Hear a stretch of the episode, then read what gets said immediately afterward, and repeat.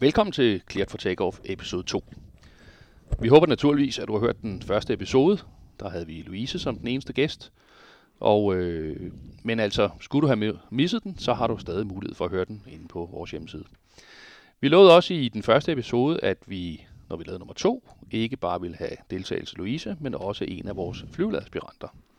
Og øh, her er vi, der holder vi, hvad vi lover. Så velkommen til Frederik.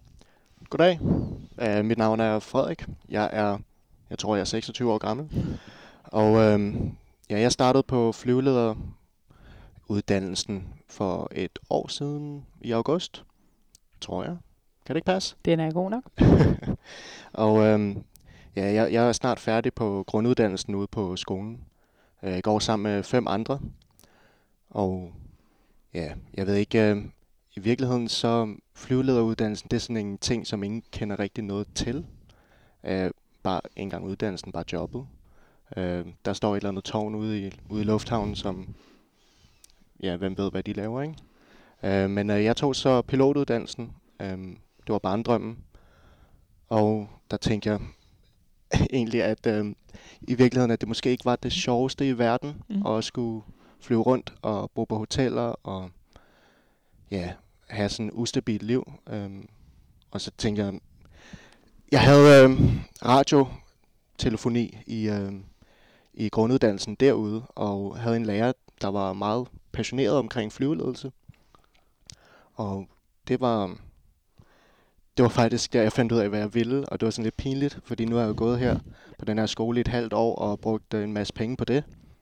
Øh, så tænkte, okay, jamen, så tager jeg det her færdigt, og så ser jeg, hvad, hvad der er af muligheder. Øh, og de åbnede sig op for, for flyvelederuddannelsen her, og man kunne søge ind. Øhm, omkring et år inde i min, inde i min pilotuddannelse. Og ja, så vidste jeg, hvad jeg skulle. Men øh, altså, det, var, det var ikke øh, bare sådan at komme ind. Så jeg havde en øh, kammerat, der rent faktisk også gerne ville, og vi sad og snakkede meget om det. Og ja, jeg ved ikke, han var, han var meget passioneret omkring det, og, og fortalte om, øh, om de laver det her og det her, og, og jeg var sådan, han, var min, øh, han var min primære kilde til, hvad flyveledelse egentlig var. Øh, også selvom man sidder med pilotuddannelsen, og egentlig skal arbejde sammen med flyveledere, så sidder man stadig og tænker, hvad er det egentlig, de laver? Ja, ikke? Man har måske set i video eller på tv en eller anden, der sidder på en radar og mm. snakker ja. til fly, mm. og, og det er det, ikke? Mm. Hvad så med kammeraten? Er han så også øh, flyveleder? Han, han er jo så lige kommet ind på okay. det nye hold. Mm. Okay. Øhm, han blev færdig og øh, var egentlig startet som øh, pilot et, øh, i et øh, firma, og der var det måske egentlig det mest fornuftige, at han egentlig fik lov til lige at prøve det af. Ja. Og, så han ventede lige et år. Jamen, det, det kan være, at han kommer med i en podcast en anden gang. ja. Det kunne jo være. Vi er i hvert fald glade for, Frederik, at du fandt ud af, at der var noget, der hed flyveledelse. ja. ja. Og Louise, skulle nogen have misset i episode øh, 1, hvem du var, kan du så ikke lige øh, sige et par enkelte ord? Jo, det kan jeg. Jeg er, jeg er chef for rekruttering, øh, og jeg er også selv flyveleder. Jeg har været flyveleder siden 2004 i områdekontrollen, altså det, der hedder ACC. Øh, og nu arbejder jeg primært med rekruttering og med uddannelse her i Navia. Så øh, hvis man har nogle spørgsmål, så ender man øh, oftest hos mig eller hos dig, Elias, i forhold til det her med at skulle optages på, på uddannelsen. Og vi hopper lige tilbage til, til Frederik her. Frederik, hvor langt er du i uddannelsen? Du sagde, du var, du var sådan næsten færdig, men hvad, hvad er det, du har, har gået igennem i det første års tid? Jamen, jeg startede øh, med et teoriforløb for her i august sidste år. Øh, det tager 6, 7, 8 uger. Det tager ikke så lang tid. Øh, og, og det er så egentlig det, som der vil være den almene skoleuddannelse øh, her. Fordi så begynder det at blive meget mere praktisk og meget mere øh, sådan overført til virkelighed.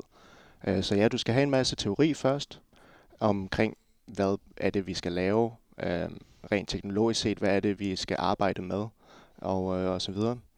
Øhm, og så går man egentlig i gang med, med ja, det, vi kalder simulatorøvelser.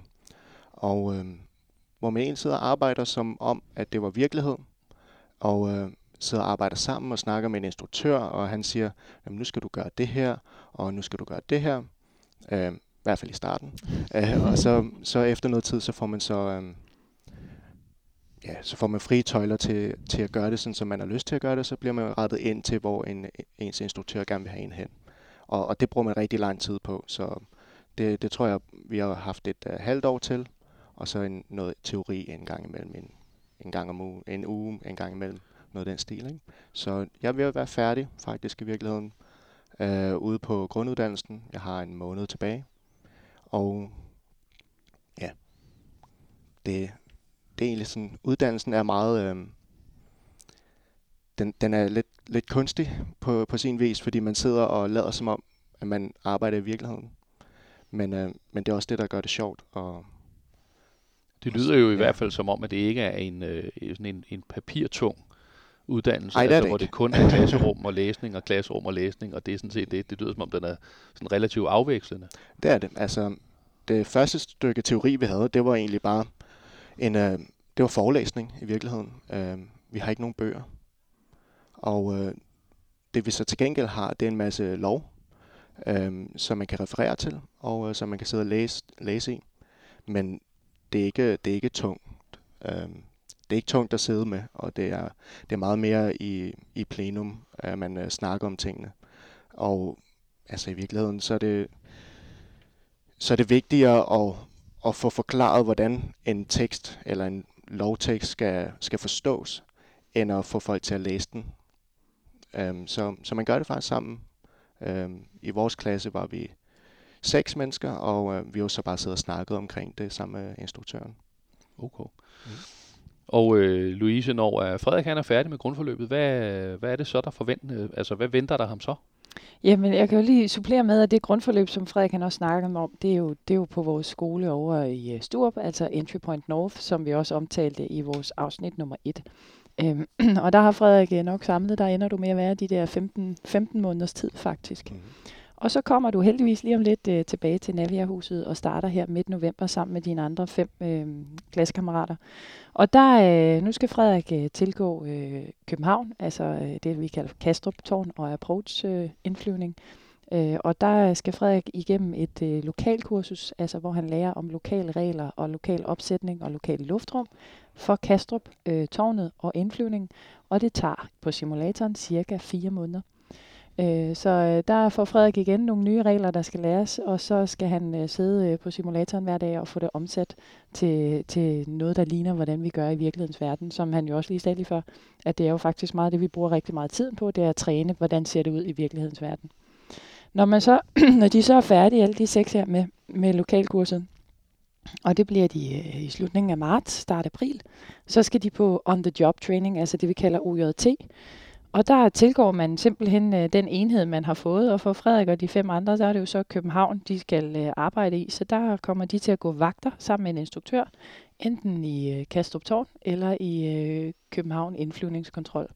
Og det tager alt efter øh, vind og vejr og dage, man rammer, om der er lidt eller meget trafik, så tager det en, cirka en 10 måneder, hvor man går on the job training, altså hvor Frederik kan møde ind hver dag på en vagt, og så følges han med en instruktør, og så sidder de sammen i løbet af dagen, og, og Frederik håndterer trafik, og instruktøren sidder ved siden af og giver inputs og, og forklarer og hjælper. Sikkert ret meget i starten, og så måske øh, i løbet af slutforløbet, så, så sidder Frederik faktisk og skal køre det selv. Og Men så stadigvæk superviseret af en Absolut af en superviseret af en flyveleder.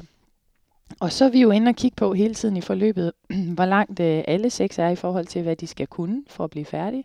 Og når vi så vurderer, at nu er de faktisk ved at være der, så, øh, så bliver de tjekket ud, så får de deres certifikat, og så kan de få lov til at arbejde alene. Okay, Ja. så det vil sige, om du vil egentlig dybest set øh, halvvejs så?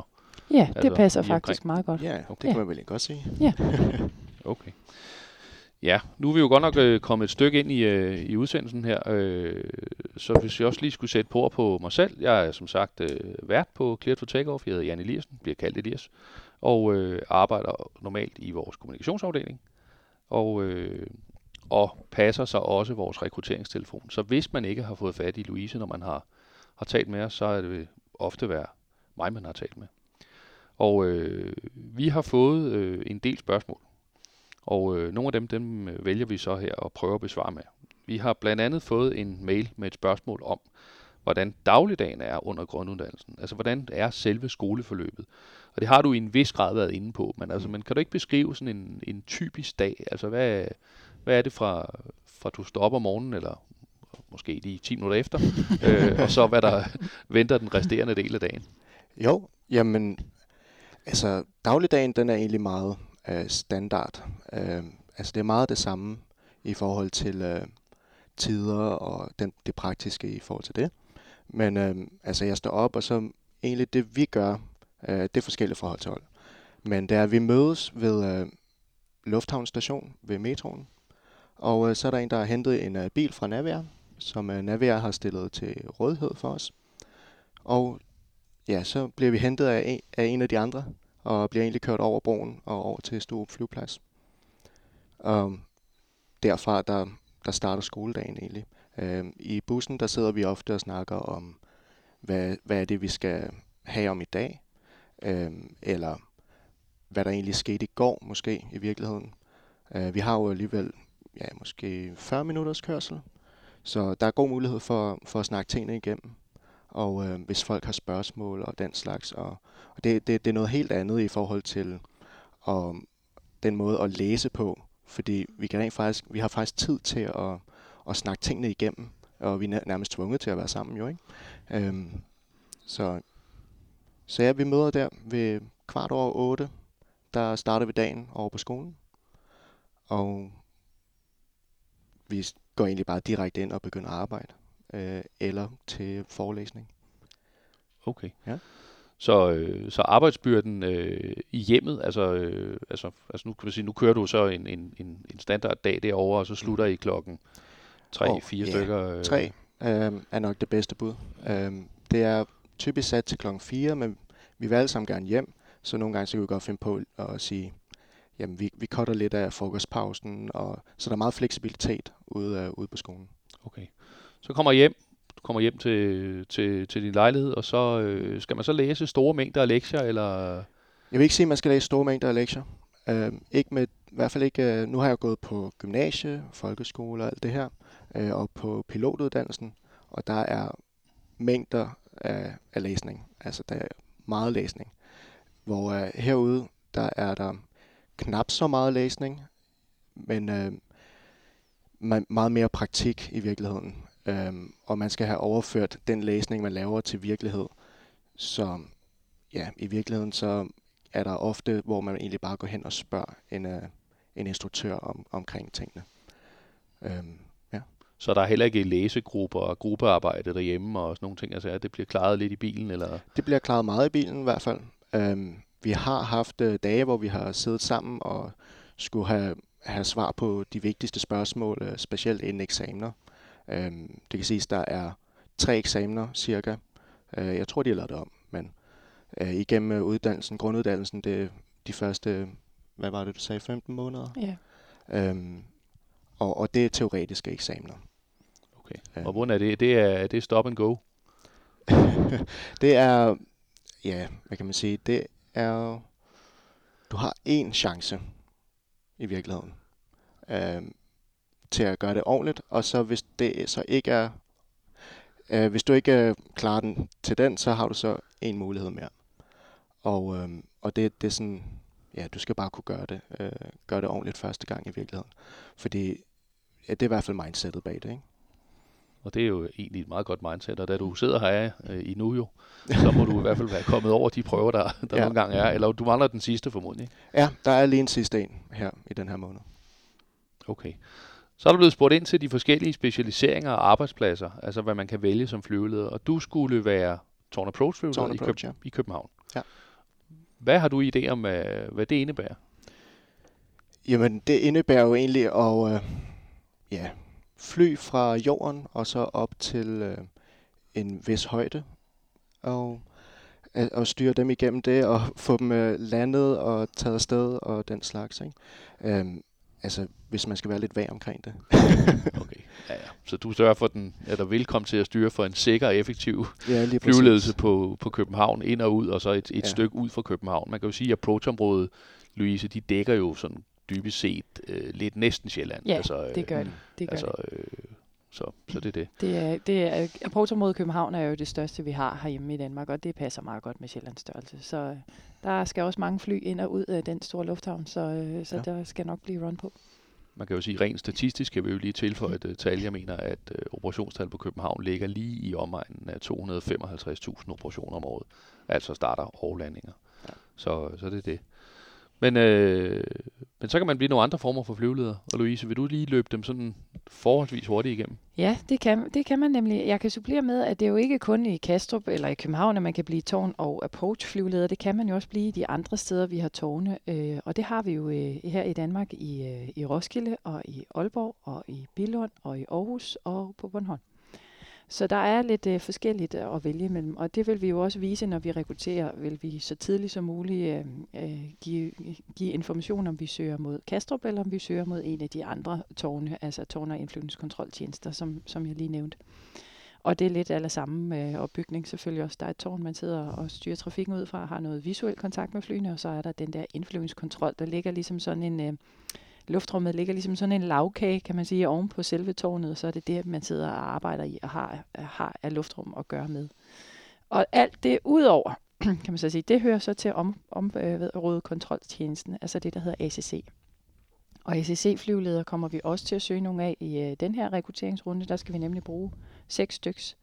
Og, øh, og det er et stort luftrum, man sidder og arbejder i, og det kan gå helt fra ud over Nordsøen, hvor man hvor man primært har fly, der bare tjekker ind og siger goddag, og så øh, flyver de deres landevej, og så flyver de ud af luftrummet igen, så siger man farvel, til at man sidder og arbejder med, luft, øh, med en masse lufttrafik, der skal ind og ud af København. Øh, så efter Frederik faktisk er færdig med at tale med de der fly, så får man lov til at tale dem, når de kommer op i højden, eller den anden vej rundt, hvis de skal ind til Frederik, så får man lov til at tale, dem, når man, tale med dem, når man modtager dem fra, fra tyskerne eller fra fra svenskerne eller fra nordmændene, og så sender man dem videre ind i, i Kastrup og Tornebrogs luftrum. Og det samme kan man gøre sig gældende for, om de skal ind og ud af Billund eller Aalborg eller nogle af de andre steder.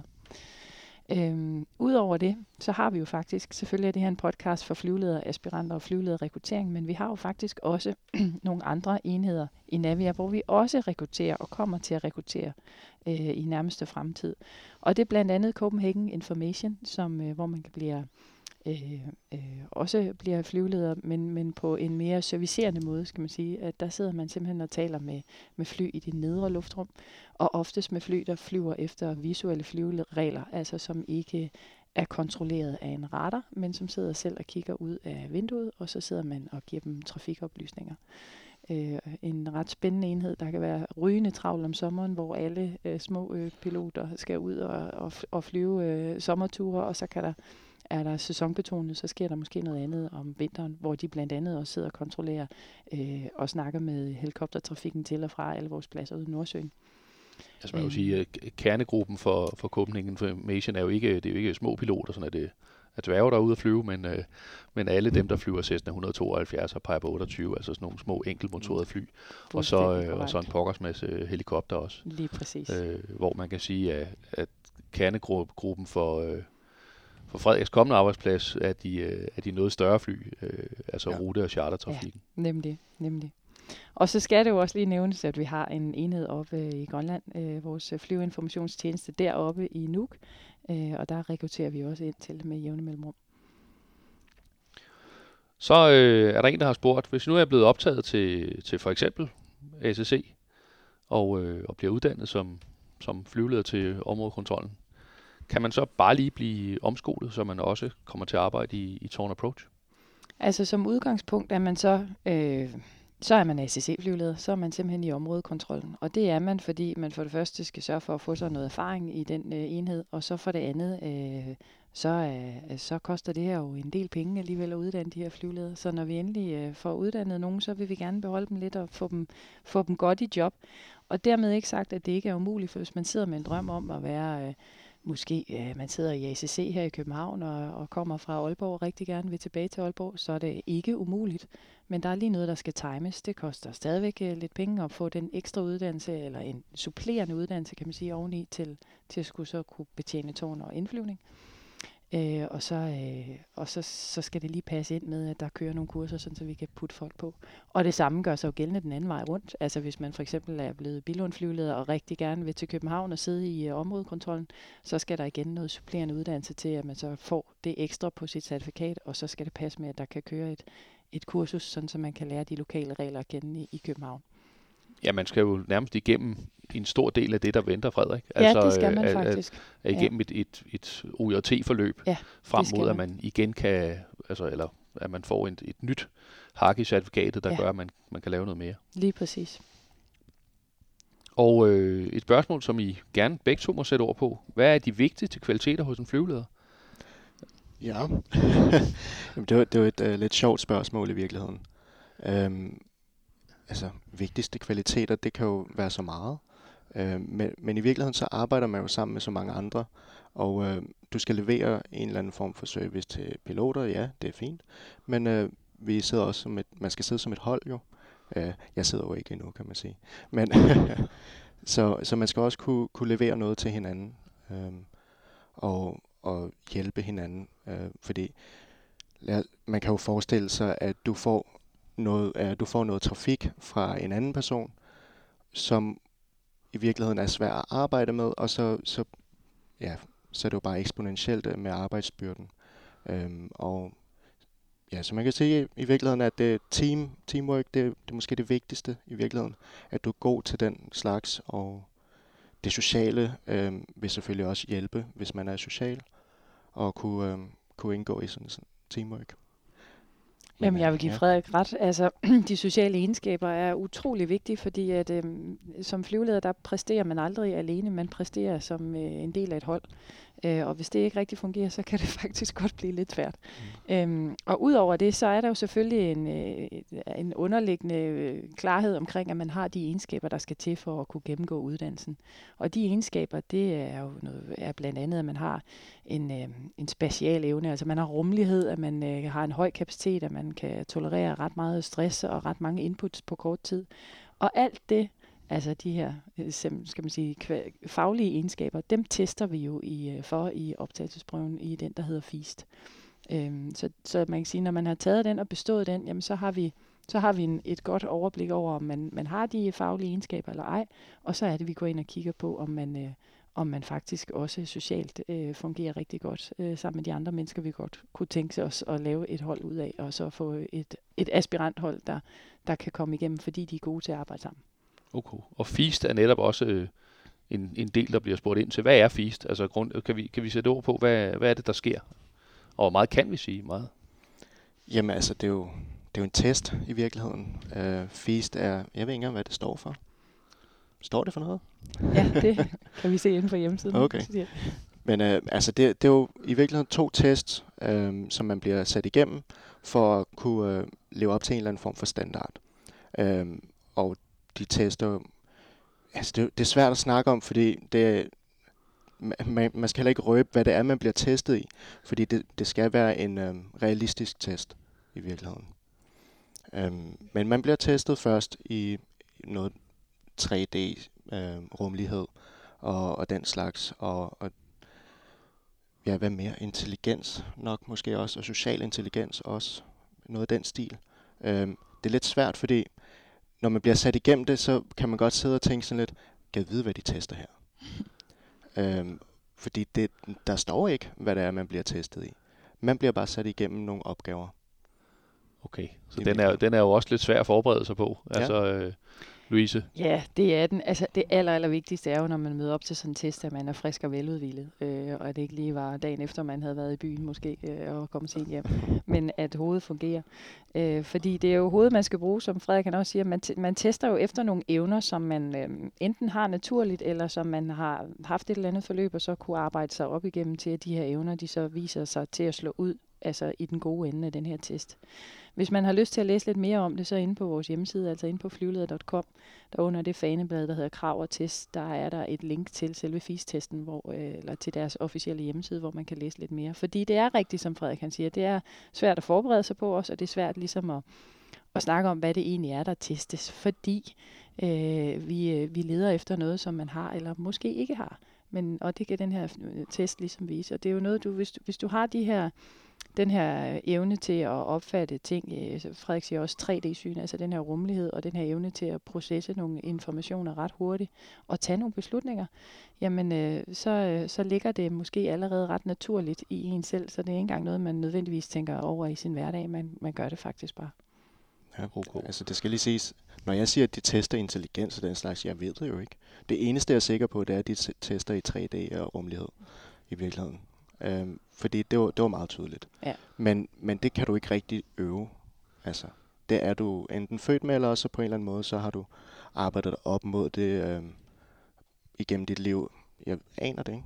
Men øh, altså, man, man kan, eller også kan man ikke lige det der i hvert fald.